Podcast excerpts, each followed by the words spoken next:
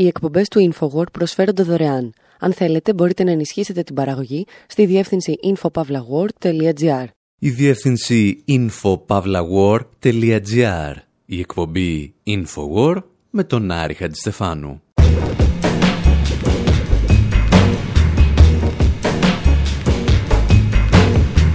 Όπου σήμερα επιστρέφουμε για ένα διόλου ερωτικό ταγκό στην Αργεντινή. Παρακολουθούμε μια χώρα να βυθίζεται και πάλι στην οικονομική κρίση και συνειδητοποιούμε ότι μάλλον ζούμε σε διαφορετικό χώρο χρόνο από τους περισσότερους φιλελεύθερους αναλυτές αυτού του πλανήτη. Παρακολουθούμε την ιστορία μιας χώρας από τα βρώμικα λιμάνια του Μπουένος Άιρες μέχρι το περονικό φλερτ με το φασισμό, αλλά και έναν περίεργο κρατισμό. Αναρωτιόμαστε πόσες φορές μπορεί να κάνει το Διεθνές Νομισματικό Ταμείο το ίδιο ακριβώς λάθος πριν κατηγορηθεί για απλή ηλικιότητα ή για μία ακόμη κοινωνική γενοκτονία.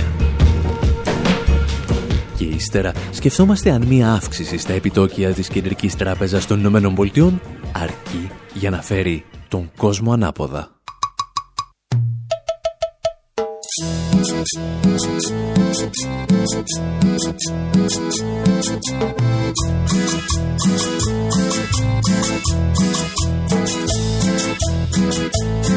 Hazte gatito. Miau.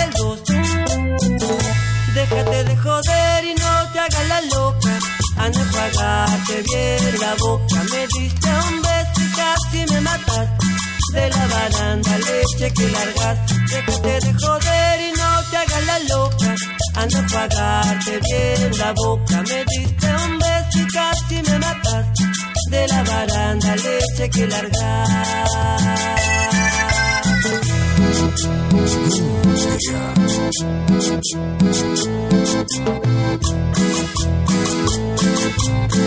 you.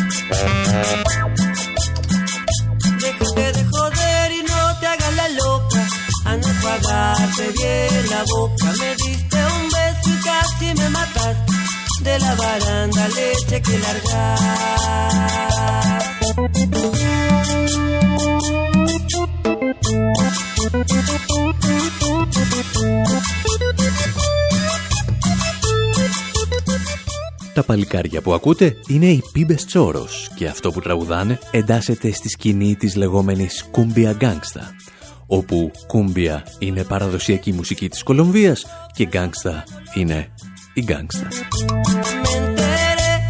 Οι Πίμπες Τσόρος, που ούτε κούμπια τους λες βέβαια, ούτε γκάγκστα, δημιουργούνται το 2002 στις παραγκουπόλεις του Μπουένος Άιρες και εκφράζουν την οργή των κατοίκων για την οικονομική κατάρρευση της χώρας.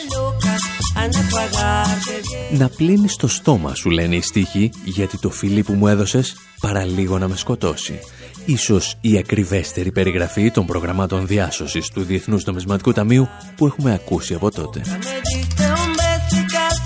Το πρόβλημα είναι ότι αυτές οι πολιτικές του Διεθνούς Νομισματικού Ταμείου είναι σαν τα στίγματα του Ανάμ για τα οποία έγραφε ο Καβαδίας. Δεν βγαίνουν ποτές.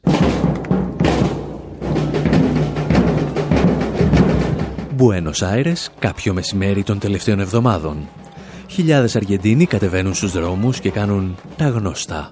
Φωνάζουν συνθήματα και κρατάνε πλακάτ εναντίον του Διεθνούς Νομισματικού Ταμείου και είναι αμερικανικές σημαίες και σε τακτά χρονικά διαστήματα συγκρούονται με ισχυρές δυνάμεις της αστυνομίας, οι οποίες απαντούν με δακρυγόνα και αντλίες νερού. Και αν όλα αυτά σας θυμίζουν τα νιάτα σας στην Ελλάδα πριν από την επικράτηση του σοσιαλισμού, στους Αργεντίνους θυμίζουν την εξέγερση του 2001, όταν μια ολόκληρη χώρα είπε όχι στο Διεθνές Νομισματικό Ταμείο, πληρώνοντας το τίμημα με τουλάχιστον 24 νεκρούς. Το πρόβλημα για άλλη μια φορά είναι ότι κάποιοι έχουν πάντα μια διαφορετική εικόνα για το ποιος ευθύνεται για την κρίση της Αργεντινής. Παραποιώντας τις ημερομηνίες αποδίδουν την ευθύνη της κρίσης σε λάθος ανθρώπους και σε λάθος αποφάσεις. Η κυρίαρχη αφήγηση στα διεθνή μέσα ενημέρωσης λέει και πάλι πως όταν κάτι πηγαίνει στραβά φταίει ο κόσμος και η κοινωνική πολιτική των κυβερνήσεων ενώ όταν όλα πηγαίνουν καλά πρέπει να αποδίδουμε εύσημα στο Διεθνές Νομισματικό Ταμείο. Το οποίο κατά την άποψή μας είναι μια θέση την οποία για να υιοθετήσεις πρέπει να είσαι ή πληρωμένος κονδυλοφόρος ή να έχεις μια ιδιόμορφη νοημοσύνη. Χωρίς βέβαια το ένα να αποκλείει το άλλο. Πριν δούμε λοιπόν στο δεύτερο μέρος της εκπομπής ποιος ευθύνεται για τη σημερινή κρίση της Αργεντινής, θα μας επιτρέψετε να παρακολουθήσουμε την ιστορία της χώρας από λίγο πιο παλιά. Από εκείνη τη ρημαδιασμένη χρονιά που πήρε το πρώτο μεγάλο δάνειο μαζί με την Ελλάδα. Στην εισαγωγή, η Gotham Project.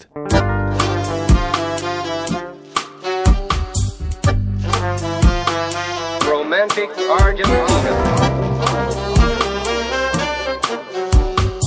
Argentina. the Argentina, one of the richest countries in the world.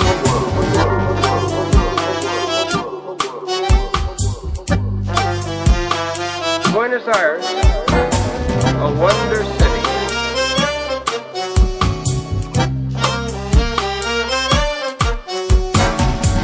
Niebla espesa en Buenos Aires.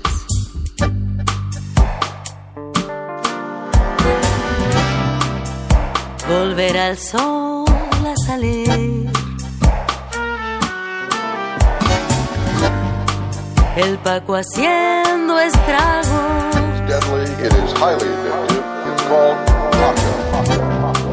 Gente sin porvenir.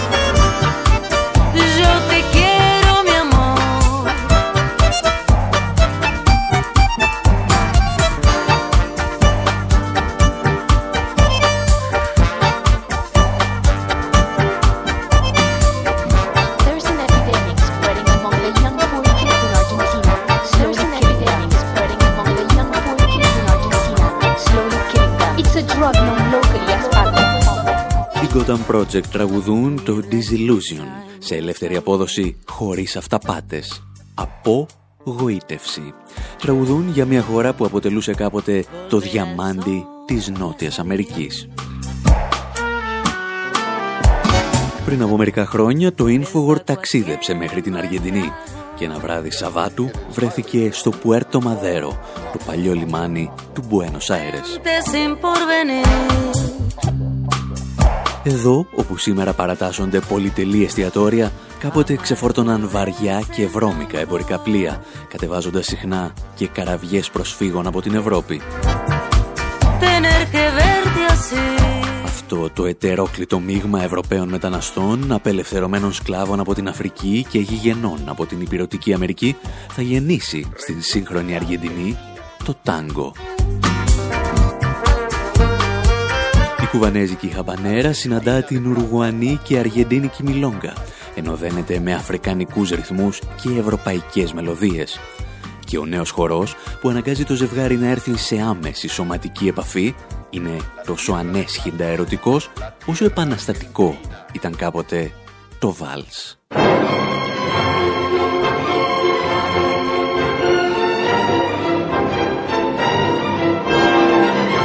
Το τάγκο όμως θα περάσει σχετικά γρήγορα από την ανυποληψία των χαμετυπίων στα σαλόνια της νέας υψηλής κοινωνίας. Και αυτό γιατί στην Αργεντινή των αρχών του περασμένου αιώνα ανατρέπονται οι κοινωνικές ή αν προτιμάτε οι ταξικές ισορροπίες. Μια νέα γενιά νεαρών αξιωματικών του στρατού αμφισβητεί τα προνόμια της παλαιάς αριστοκρατίας. Και το τάγκο είναι ένας τρόπος για να αμφισβητήσεις παλιούς κανόνες και σχέσεις εξουσίας.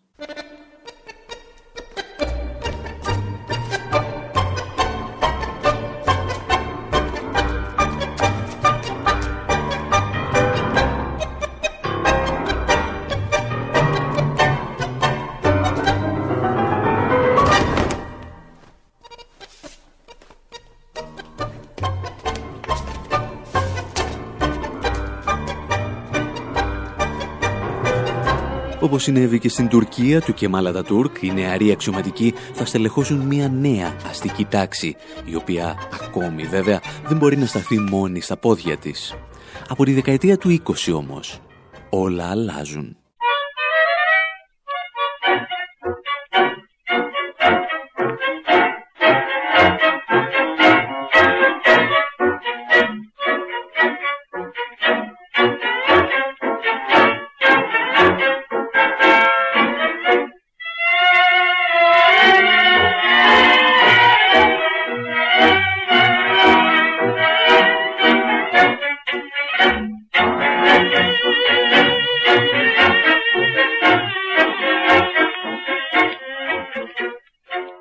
Αργεντινή δεν είναι πλέον μια χώρα ξεχασμένη στο νότο της Αμερικανικής Υπήρου. Είναι μια από τις δέκα πλουσιότερες χώρες του πλανήτη.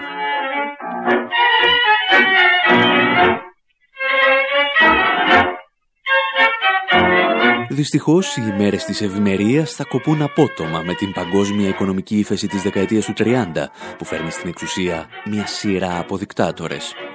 Η χώρα θα πρέπει να περιμένει έως τη δεκαετία του 40 για να κάνει την εμφάνισή του στο προσκήνιο το άστρο του στρατηγού και μετέπειτα προέδρου της χώρας, Χουάν Περόν.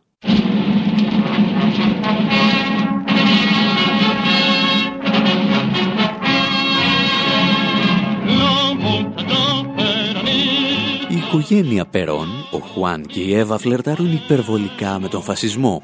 Η Εβίτα δηλώνει θαυμάστρια του Ισπανού δικτάτορα Φράνκο, τον οποίο επισκέπτεται μάλιστα στην Ισπανία, όπως μας θυμίζουν τα επίκαιρα της εποχής.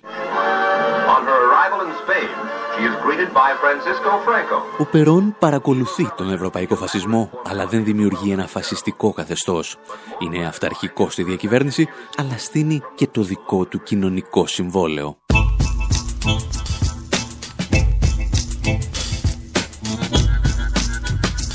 Ουσιαστικά, ανταποκρινόμενος και στις πιέσεις που δέχεται από τη βάση, ο Χουέν Περόν κάνει ό,τι και οι περισσότεροι μεγάλοι ηγέτες μετά το Δεύτερο Παγκόσμιο Πόλεμο. τοποθετεί τον δημόσιο τομέα στη θέση της ατμομηχανής της οικονομίας. Επιχειρεί έτσι να τραβήξει την εθνική αμαξοστοιχεία από τους βάλτους στους οποίους είχε βρεθεί τις προηγούμενες δεκαετίες. Και όπως εξηγούσε και η γνωστή δημοσιογράφος και ακτιβίστρια Naomi Klein στο εξαιρετικό ντοκιμαντέρ «Η Κατάληψη», ο Περόν τα κατάφερε. previsiones del gobierno justicialista de Perón se cumplen. Llegan al Hotel y Colonia de Miramar nutridos contingentes de turistas de toda edad y sexo que van a pasar unas felices vacaciones frente al mar.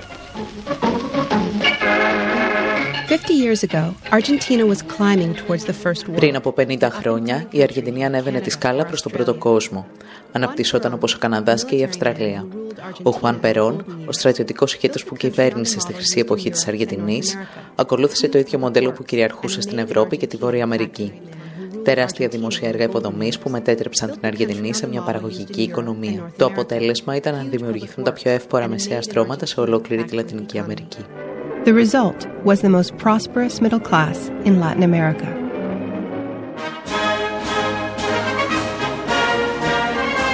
Η Αργεντινή όμως, παρά την ανάπτυξη, είχε ανοιχτούς λογαριασμούς με το παρελθόν. Λογαριασμούς που λόγω της ιστορίας της έτυχε να είναι ελληματικοί. Έχουμε επιστρέψει στο 1824 και σε μια αίθουσα του Foreign Office στο Λονδίνο, κάποιος κύριος George Canning χαράσει την εξωτερική πολιτική της αυτοκρατορίας. Ο προκάτοχός του, ο Λόρδος Κάσερλι, είχε ως βασικό στόχο να διατηρήσει ανέπαφη την Οθωμανική Αυτοκρατορία, την οποία θεωρούσε ένα πρώτης τάξεως ανάχωμα στην επιρροή της Ρωσίας. Ο Λόρδος Κάσερλι όμως αυτοκτόνησε με έναν χαρτοκόπτη για λόγους που είναι πολύ προσωπικοί για να τους αναφέρουμε σε μια τόσο σοβαρή εκπομπή. Εάν βέβαια μας ρωτούσατε, θα σας λέγαμε ότι παρουσίαζε σημάδια σχιζοφρένειας, ενώ πιστεύετε ότι κάποιοι τον εκβίαζαν με αποκαλύψεις περί ομοφιλοφιλίας. Σημασία για την ιστορία μας πάντως έχει ότι ο διάδοχός του, ο George Canning, ανέλαβε να προωθήσει μια διαφορετική πολιτική. Το Λονδίνο άρχισε να στηρίζει εθνικό-απελευθερωτικά κινήματα, τα οποία θεωρούσε ότι θα μπορούσε να μετατρέψει αργότερα σε προτεκτοράτα και ο καλύτερος τρόπος για να το επιτύχει ήταν να αρχίσει να δανείζει χρήματα σε κινήματα και κράτη τα οποία είχαν άμεση ανάγκη ρευστότητας.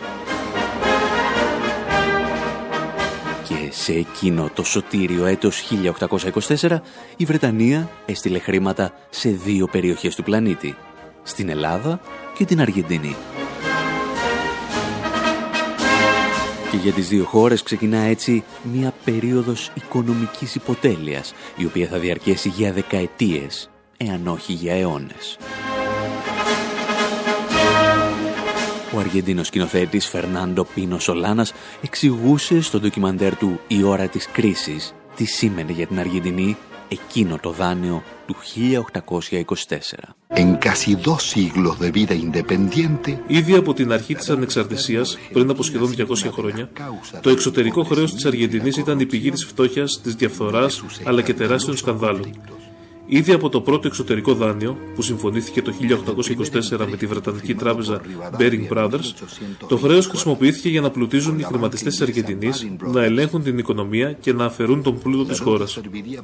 Το εξωτερικό χρέος συνδεόταν πάντα με μεγάλες επιχειρήσεις και με τη συνενοχή σχεδόν όλων των κυβερνήσεων. Η πολιτική του χρέους δημιούργησε γενιές τεχνοκρατών που αντί να εργάζονται για τη χώρα τους, ενδιαφέρονταν για τα συμφέροντα τραπεζών και ξένων πολυεθνικών. Que a defender su país. Και αν οι τεχνοκράτες που εργάζονται για τα συμφέροντα ξένων τραπεζών και πολυεθνικών σας θυμίζουν κάτι, περιμένετε να δείτε τι έχει να γίνει στο δεύτερο μέρος της εκπομπής. Αλλαγή θέματος. Κάποια λίτες ενεπλάκησαν σε φασαρίες. Λίγο πολύ γνωστές ιστορίες. Συμβαίνουν σε όλες τις πορείες. Για το σκοπό τους κανένα σχόλιο. Μόνο για το κομμάτι τα ποσοστά. Και ξαφνανούσιοι αρχαιολάγνοι προβάλλουν ιδεώδη φασιστικά. Στατιστικά πριν ανεργία και ανέχεια. Όλα μιλέ. Έτσι μπορεί να σου δώσουν και σένα κάποια από όλε τι εκπομπές.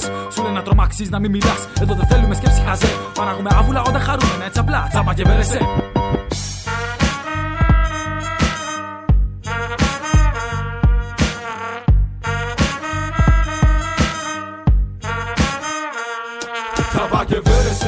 Κάθεσαι και χαίρεσαι. Για τα ανούσια παιχνίδια τους τρελαίνεσαι. Μα μην τρελαίνεσαι με ψέμα μη μαγεύεσαι. Τα παγωμένα τους χαμόγελα πολέμησε. Τσαπά και βέρεσαι, τρομαγμένος κάθισες. Στο καναπέ σου και την πόρτα κλειδά πάρωσες. Το κατάντησες και να γνώμες κάμποσες Σε πείσαν να μη θες να ζεις αλλιώς την πάτησες. Δεν είναι τίποτα άλλο από ένα τετράγωνο κουτί. Κι όμως αυτό ορίζει πώ θα κινηθούμε και γιατί εφόσον όλοι το γνωρίζουμε δεν κάνουμε κάτι. Για να απεξαρτηθούμε, να σηκώσουμε κεφάλι. Αντίπαλοι τους έπρεπε να ήμασταν κι όμως αναποχαυλωμένοι. Ξεχνάμε δίδαχε που δίδαξαν να είμαστε απελευθερωμένοι. Από υλικέ ανούσιες ανάγκες, ανεξαρτητοποιημένοι. Αντί γι' αυτό σε μια καρέκλα, σε μια πολυθρόνα, όλοι καθυλωμένοι. Μες στα σπίτια μας κρύβα παρωμένοι. Πώς μας πείσαν επιτέλους κι είμαστε όλοι τρομαγμένοι. Πώς κατάφεραν και κράτησαν τη φαντασία μας περιορισμένη. Σε ένα πλασμάτικο πεδίο η ζωή μας ορισμένη. Ψηφίζουμε ανθρώπους που κανείς μας δεν τους καταλαβαίνει. Χωρίς αντίδραση ο νους μας όλα τα υπομένει. Άπειρα 24 ώρα περνάνε βιαστικά και μάταια. Με μάτια ανοιχτά σε ηλεκτρονικά παράθυρα μπροστά. Κυλούνε οι ζωές μας κάπως πρόχειρα. Στο ανθρωποστάσιο που ανάζητο μία ταυτότητα. Τόπογέννηση και υπηκότητα. Ψάχνω τον κώδικα με σύνορα και περιθώρια. Την πίστη που μου δίδαξαν αλλιώς την νόμιζα. Τώρα που τυπώνουν τον Θεό σε χαρτονόμισμα. Μια πρόσωπη δουλεία που προσδίδει ανάστημα για να ξοδεύω στο κοσμικό πολυκατάστημα. Σε τσιμεντένιε ζούγκλες που χτίζουν και γκρεμίζουν. Τρομοκρατία οι προκινούμενοι όσα στηρίζουν. Με μέσα μαζικά προβάλλουν και διαφημίζουν. Αφού παντότε τρώμε όλα όσα μας ταΐζουν. Αφού οι φωνές ακολουθούν πολιτικές γραμμές. Και αφού φημώνονται οι αλήθειες πάντοτε με επιταγέ. Τσαμπά και βέρεσαι, κάθεσαι και χαίρεσαι. Για τα ανούσια παιχνίδια τους τρελαίνεσαι. Μα μην τρελαίνεσαι με ψέμα, μη μαγεύεσαι. Τα παγωμένα τους χαμόγελα πολέμησε. Τσαπά και βέρεσαι, τρομαγμένος κάθισες. Στον καναπέ σου και την πόρτα κλειδά μπάρωσε. Το μα κατάντησες και να μου γνώμε κάμποσε. Σε πείσαν να μη θες να ζεις, αλλιώς την πάτησες. Τσαπά και βέρεσαι, κάθεσαι και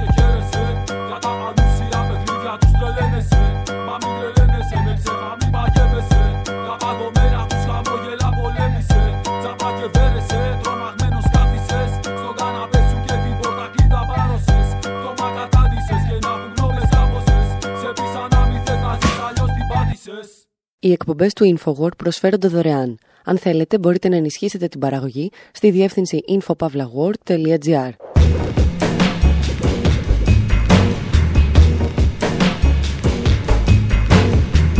Εκπομπής Infowar συνέχεια, όπου αφού χορέψαμε το τάγκο της Αργεντίνικης Ανάπτυξης, ετοιμαζόμαστε για το δραματικό χορό της χρεοκοπίας.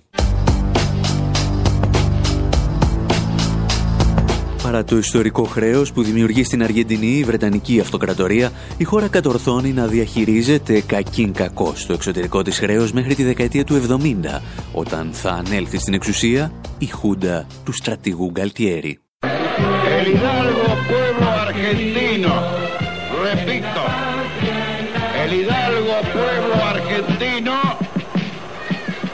Ο Γκαλτιέρη μπορεί να βρέθηκε σε πόλεμο με την Μάργαρετ Θάτσερ για τα νησιά Φόκλαντ, ήταν όμως ένας κρυφός θαυμαστής της.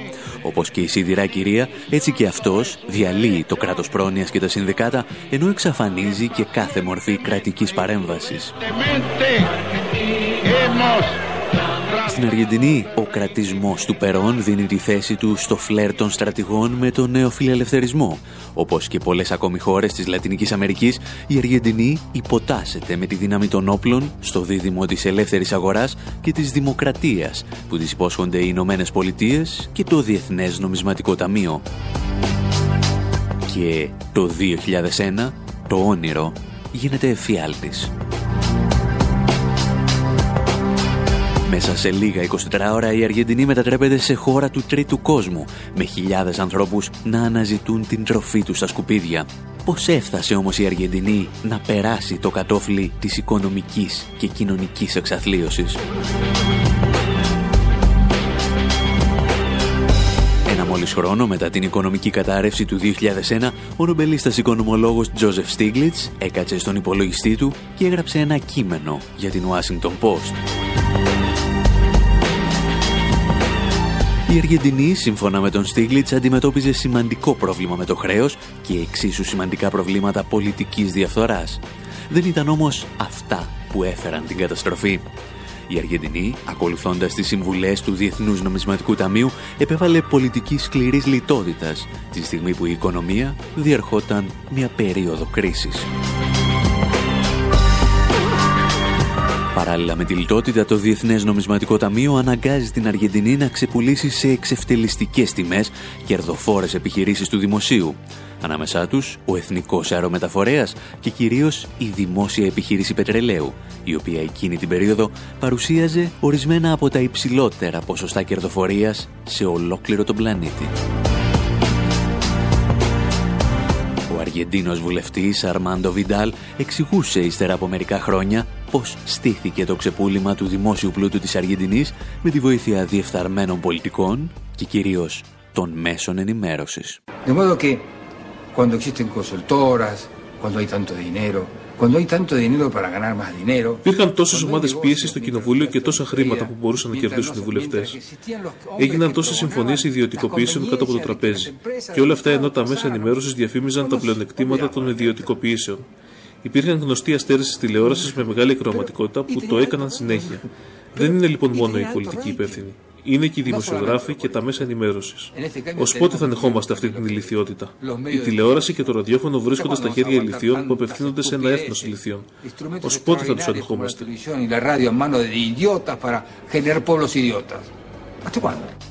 Οι πλέον εξονημένοι δημοσιογράφοι της Αργεντινής, οι δοσύλλογοι και οι μαυραγορείτες της ενημέρωσης υπηρετούν τη δική τους οικονομική κατοχή.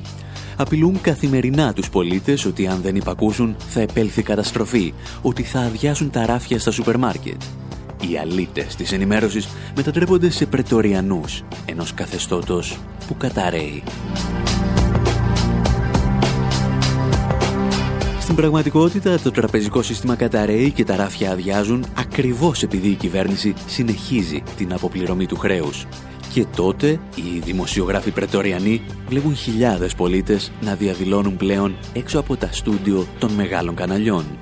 Ο κόσμος έχει συνειδητοποιήσει ότι τα κυρίαρχα μέσα ενημέρωσης αποτελούν εχθρό της χώρας, εχθρό του λαού. Η λύση στην κρίση θα δοθεί μόνο όταν οι πολίτες αναγκάζουν σειρά προέδρων να εγκαταλείψουν πανικόβλητη το προεδρικό μέγαρο με ελικόπτερα. Και όπως εξηγούσε ο Αργεντίνος σκηνοθέτης Φερνάντο Πίνος Σολάνας, ο κόσμος δεν υποχωρούσε.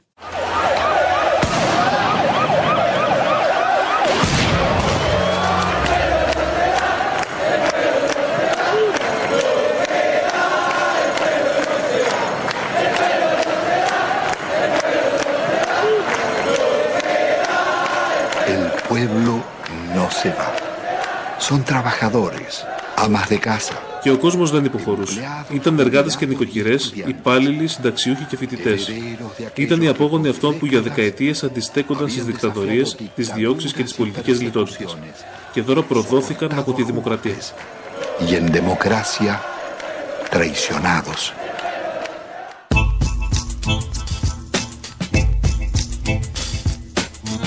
Το αργεντίνικο τάγκο παίρνει την εκδίκησή του και οι Gotham Project παρουσιάζουν το La Revancha del Tango.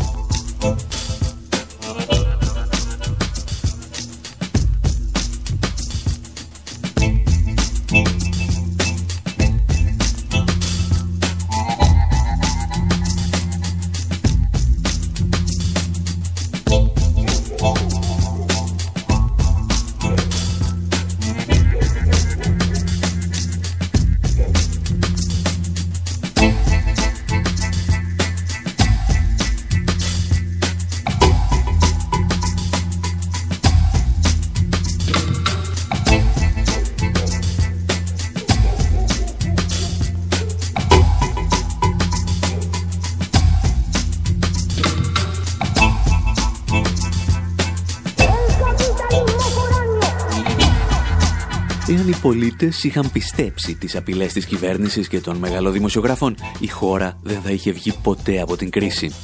Όπως μου εξηγούσε ο δημοσιογράφος Άβι Λιούις για το ντοκιμαντέρ «Ντεπτόκραση», θα έμενε με το όπλο του Διεθνούς Νομισματικού Ταμείου στον κρόταφο. The debt was always used as a gun to the head of the country. Χρησιμοποιούσαν το χρέος σαν ένα όπλο στον κρόταφο της Αργεντινής, όπως έκαναν δηλαδή και σε χώρες της Αφρικής, της Λατινικής Αμερικής ή της Ασίας. Εάν πιστεύαμε ό,τι έλεγε το Διεθνές Νομισματικό Ταμείο και άλλοι οργανισμοί, όταν η Αργεντινή προχώρησε σε αθέτηση πληρωμών θα έπρεπε να επέλθει ολοκληρωτική καταστροφή.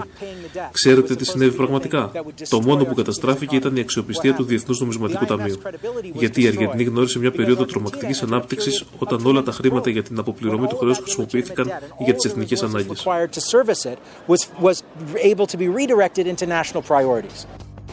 Μετά την ολοκλήρωση του ντοκιμαντέρ Deptocracy θελήσαμε να επιβεβαιώσουμε όσα μας είχε πει ο Άβι Λιούις. Αυτή τη φορά ταξιδέψαμε στην Ουάσιγκτον για τις ανάγκες του ντοκιμαντέρ Καταστρόικα. Και εκεί μας περίμενε ο Dean Baker, πρόεδρος μαζί με τον Mark Weisbrot στο Center for Economic and Policy Research. Τις ημέρες που τον επισκεφθήκαμε στην Ουάσιγκτον, το Center for Economic and Policy Research παρουσίαζε μία έρευνα για την εκρηκτική ανάπτυξη που γνώρισε η Αργεντινή μετά τη λεγόμενη χρεοκοπία. Και ανάμεσα σε άλλα, ο Dean Baker μας εξήγησε και τι σημαίνει να εγκαταλείπεις μία λεόντιο νομισματική ένωση. I don't say it's the best solution, but one of the solutions I think should have been on the table is leaving the euro. I mean, the, the model here is... Δεν λέω ότι είναι αναγκαστικά η καλύτερη λύση, αλλά μία από τις λύσεις που έπρεπε να έχουν πέσει στο τραπέζι είναι η έξοδος από την Ευρωζώνη. Θα έπρεπε να δείτε το παράδειγμα της Αργεντινής, η οποία είχε επίσης πολύ μεγάλο έλλειμμα, η οικονομία της συρρυκνωνόταν και η κατάσταση επιδεινωνόταν επειδή ακολουθούσαν τις συμβουλές του Διεθνούς Νομισματικού Ταμείου. Λόγω της συνεχιζόμενης λιτότητας, η κυβέρνηση έχασε την νομιμοποίησή της και η χώρα προχώρησε σε στάση πληρωμών. Επίσης, απελευθερώθηκαν από το δεσμό του δολαρίου με το οποίο είχαν συνδέσει το νόμισμά τους. Ύστερα από αυτό, η οικονομία βρέθηκε σε ελεύθερη πτώση για μόλις τρεις μήνες. Αλλά μετά τους επόμενους τρεις, ακολούθησαν 7 χρόνια σταθερής ανάπτυξης. Η παγκόσμια οικονομική κρίση μπορεί να επιβράδυνε λίγο την ανάπτυξη, αλλά η χώρα επανέκαμψε και φέτος αναμένεται να έχει ανάπτυξη της τάξης του 8%. Δεν λέω ότι είναι εύκολο να φύγετε από το ευρώ, αλλά αν η εναλλακτική είναι 10 χρόνια λιτότητας με υψηλή ανεργία και μειώσεις μισθών, νομίζω ότι ο κόσμος θα ήθελε να σκεφτεί και αυτό το σενάριο.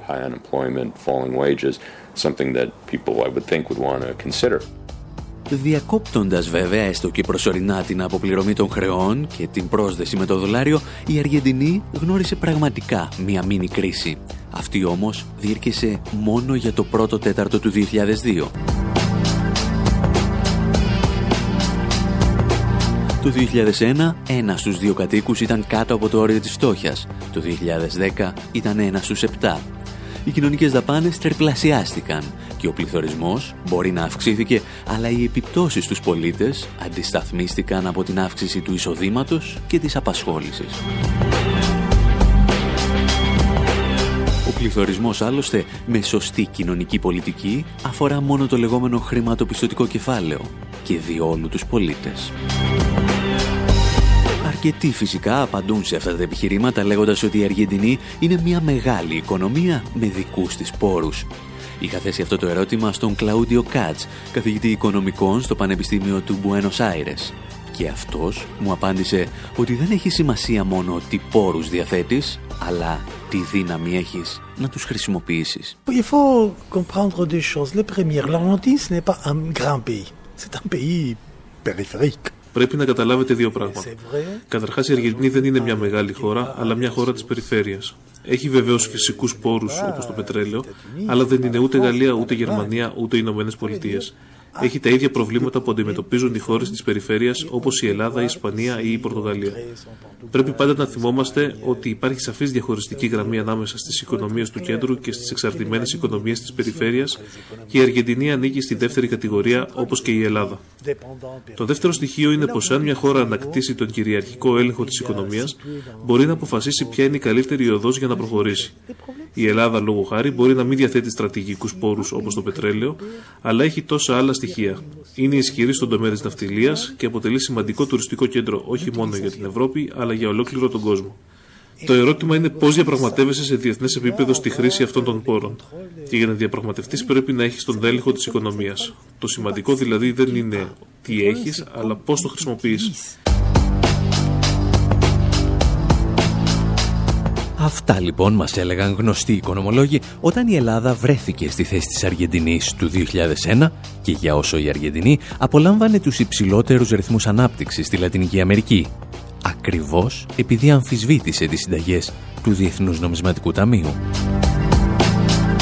Ύστερα όμως η κρίση ξαναχτύπησε για να έχουμε να σας λέμε ιστορίες ύστερα από αυτό το μικρό διάλειμμα. don't think it's true.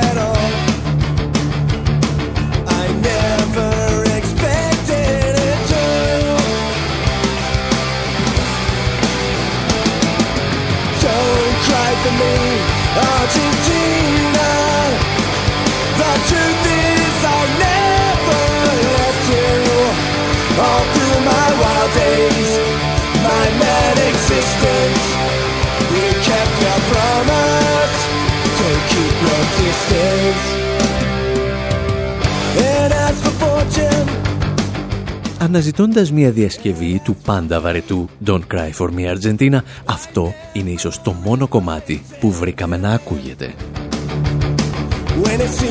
Η άχρηστη πληροφορία της ημέρας είναι ότι το συγκρότημα ονομαζόταν No Use For A Name και ο μπασίστας του Steve Papuchis. Η Αργεντινή πάντως που μας ενδιαφέρει θα κληθεί να ξανακλάψει με δάκρυ βαρύ. Και αυτό γιατί οι Ηνωμένες Πολιτείες και οι δικαστές τους θα την ρίξουν στους γήπες του παγκόσμιου χρηματοπιστωτικού συστήματος. Παρά το γεγονός ότι η αθέτηση πληρωμών που είχε πραγματοποιήσει η Αργεντινή της χάρισε 10 χρόνια εκρηκτικής ανάπτυξης, το πρόγραμμα είχε μερικά μικρά bugs. Η προχειρότητα της τάσης πληρωμών και το γεγονός ότι δεν πραγματοποιήθηκε λογιστικός έλεγχος του χρέους επέτρεψε σε κερδοσκοπικά ταμεία να αποκτήσουν τμήμα των ομολόγων και να μπορούν να εκβιάζουν την Αργεντινή. Πάντα με τη βοήθεια της Αμερικανικής δικαιοσύνης. Και αυτό έγινε γιατί η Αργεντινή, όπως και η Ελλάδα, είχε υποχρεωθεί να περάσει το χρέος της σε ξένο δίκαιο. Οι πιστωτές δηλαδή δεν περνούσαν από τα δικαστήρια της Αργεντινής, αλλά των Ηνωμένων Πολιτειών. Ακόμη και έτσι βέβαια η συνολική εικόνα ήταν σαφέστατα θετική για τους φτωχότερους Αργεντίνους για όσα χρόνια κυβερνούσε η οικογένεια Κίρχνερ. Μέχρι τη στιγμή που ήρθαν και πάλι στην εξουσία τα παιδιά του νεοφιλελευθερισμού και ο κύριος Μαουρίσιο Μάκρη. Ο οικονομολόγος Μαρκ Weisbrot εξηγούσε πριν από μερικές ημέρες στο δίκτυο Real News Network τι πραγματικά πήγε στραβά με τη νέα πολιτική. The real problem is that the government has borrowed so much. They're borrowing central government borrowing has gone from 63 to over 140 billion. Το πραγματικό πρόβλημα είναι ότι η κυβέρνηση δανείστηκε μεγάλα ποσά. Ο δανεισμός από τα 63 ξεπέρασε τα 140 εκατομμύρια δολάρια, ενώ δεν είχαν λόγο να το κάνουν. Παράλληλα, άδειαζαν τα αποθεματικά της Κεντρικής Τράπεζας με πολύ υψηλούς ρυθμούς. Και αυτά ενίσχυσαν την κρίση. Λέω ότι δεν ήταν απαραίτητο γιατί θα μπορούσαν να έχουν δανειστεί από το εσωτερικό. Το πρόβλημα εδώ είναι ο εξωτερικός δανεισμός. Η Κριστίνα Κίρχνερ τους άφησε πολύ μικρό εξωτερικό χρέος σε σχέση με το μέγεθος της οικονομίας τους. Και αυτό είναι σημαντικό να το επισημάνουμε γιατί η σημερινή κυβέρνηση, κάποια μέσα ενημέρωσης και άνθρωποι που τη στηρίζουν κατηγορούν την προηγούμενη κυβέρνηση για τη σημερινή κρίση.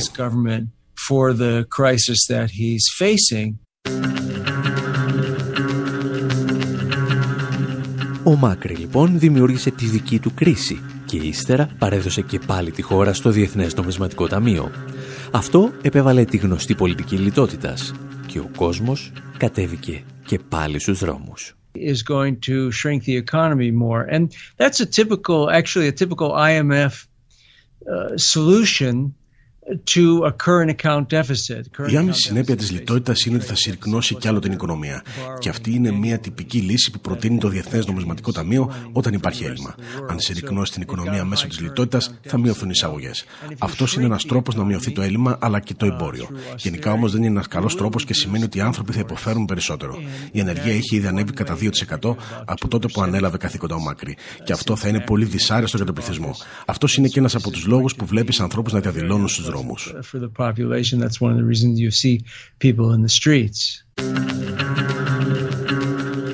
Στο σημείο αυτό επέρχεται όμως και μια αντιστροφή των ρόλων. Στο εξής, δεν θα λέμε ότι η Ελλάδα κινδυνεύει να γίνει η Αργεντινή, αλλά ότι η Αργεντινή κινδυνεύει να γίνει η Ελλάδα. Γιατί ακόμη και οι ξένοι επενδυτές και οι διεθνείς σπεκουλαδόροι γνωρίζουν πλέον πολύ καλά πως όταν επεμβαίνει το Διεθνές Νομισματικό Ταμείο η χώρα βυθίζεται πάντα βαθύτερα στα χρέη και χάνει κάθε δυνατότητα αποπληρωμής αυτών των χρεών. Μαζί τους χάνει φυσικά και την εμπιστοσύνη των αγορών. Τα εξηγούσε και πάλι ο Μαρκ Βάισμπροτ.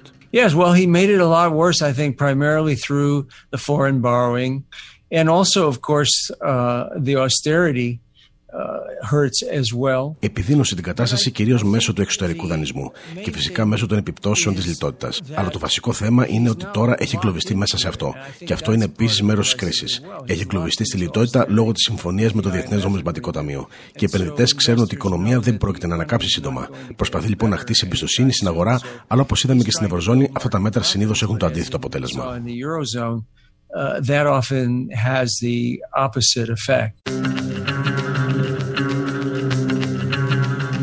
Η Αργεντινή λοιπόν ξανά πέσε σε ένα φαύλο κύκλο ακριβώς επειδή κάλεσε το Διεθνές Νομισματικό Ταμείο για βοήθεια και επέβαλε τη λιτότητα που αυτό τη ζητούσε.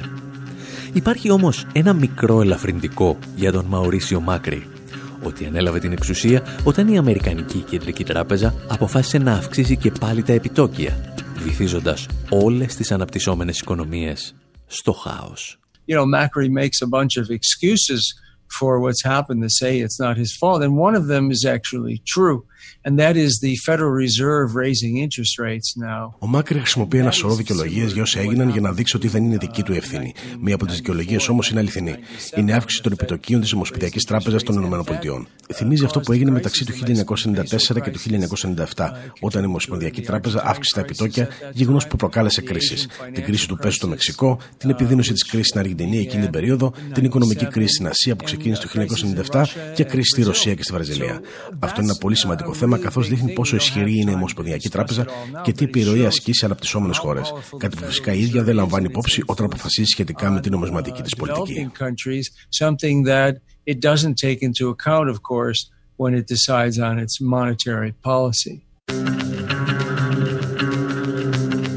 Τις ίδιες ακριβώς συνέπειες από την αύξηση των επιτοκίων της ΦΕΔ πληρώνει τους τελευταίους μήνες και η Τουρκία, η Ινδία και αρκετές ακόμη χώρες που είδαν τα ζεστά δολάρια να τις εγκαταλείπουν και να επιστρέφουν στις Ηνωμένες Πολιτείες.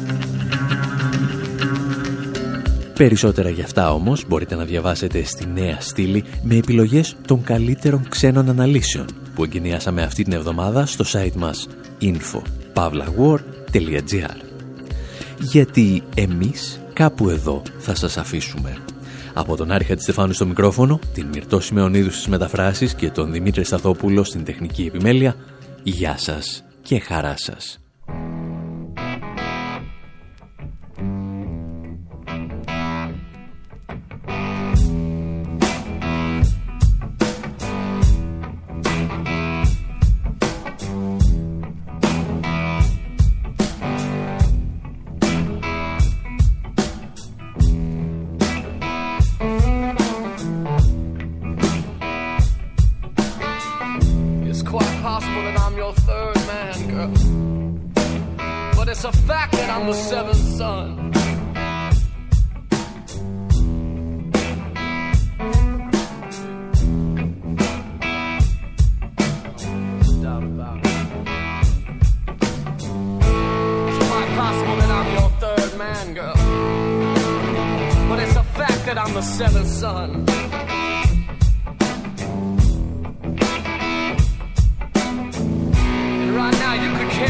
Less about me. But soon enough you will care by the time I'm done.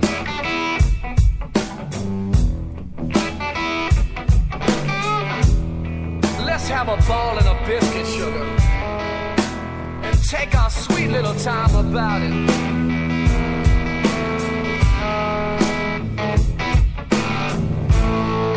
Let's have a ball, girl. And take our sweet little time about it.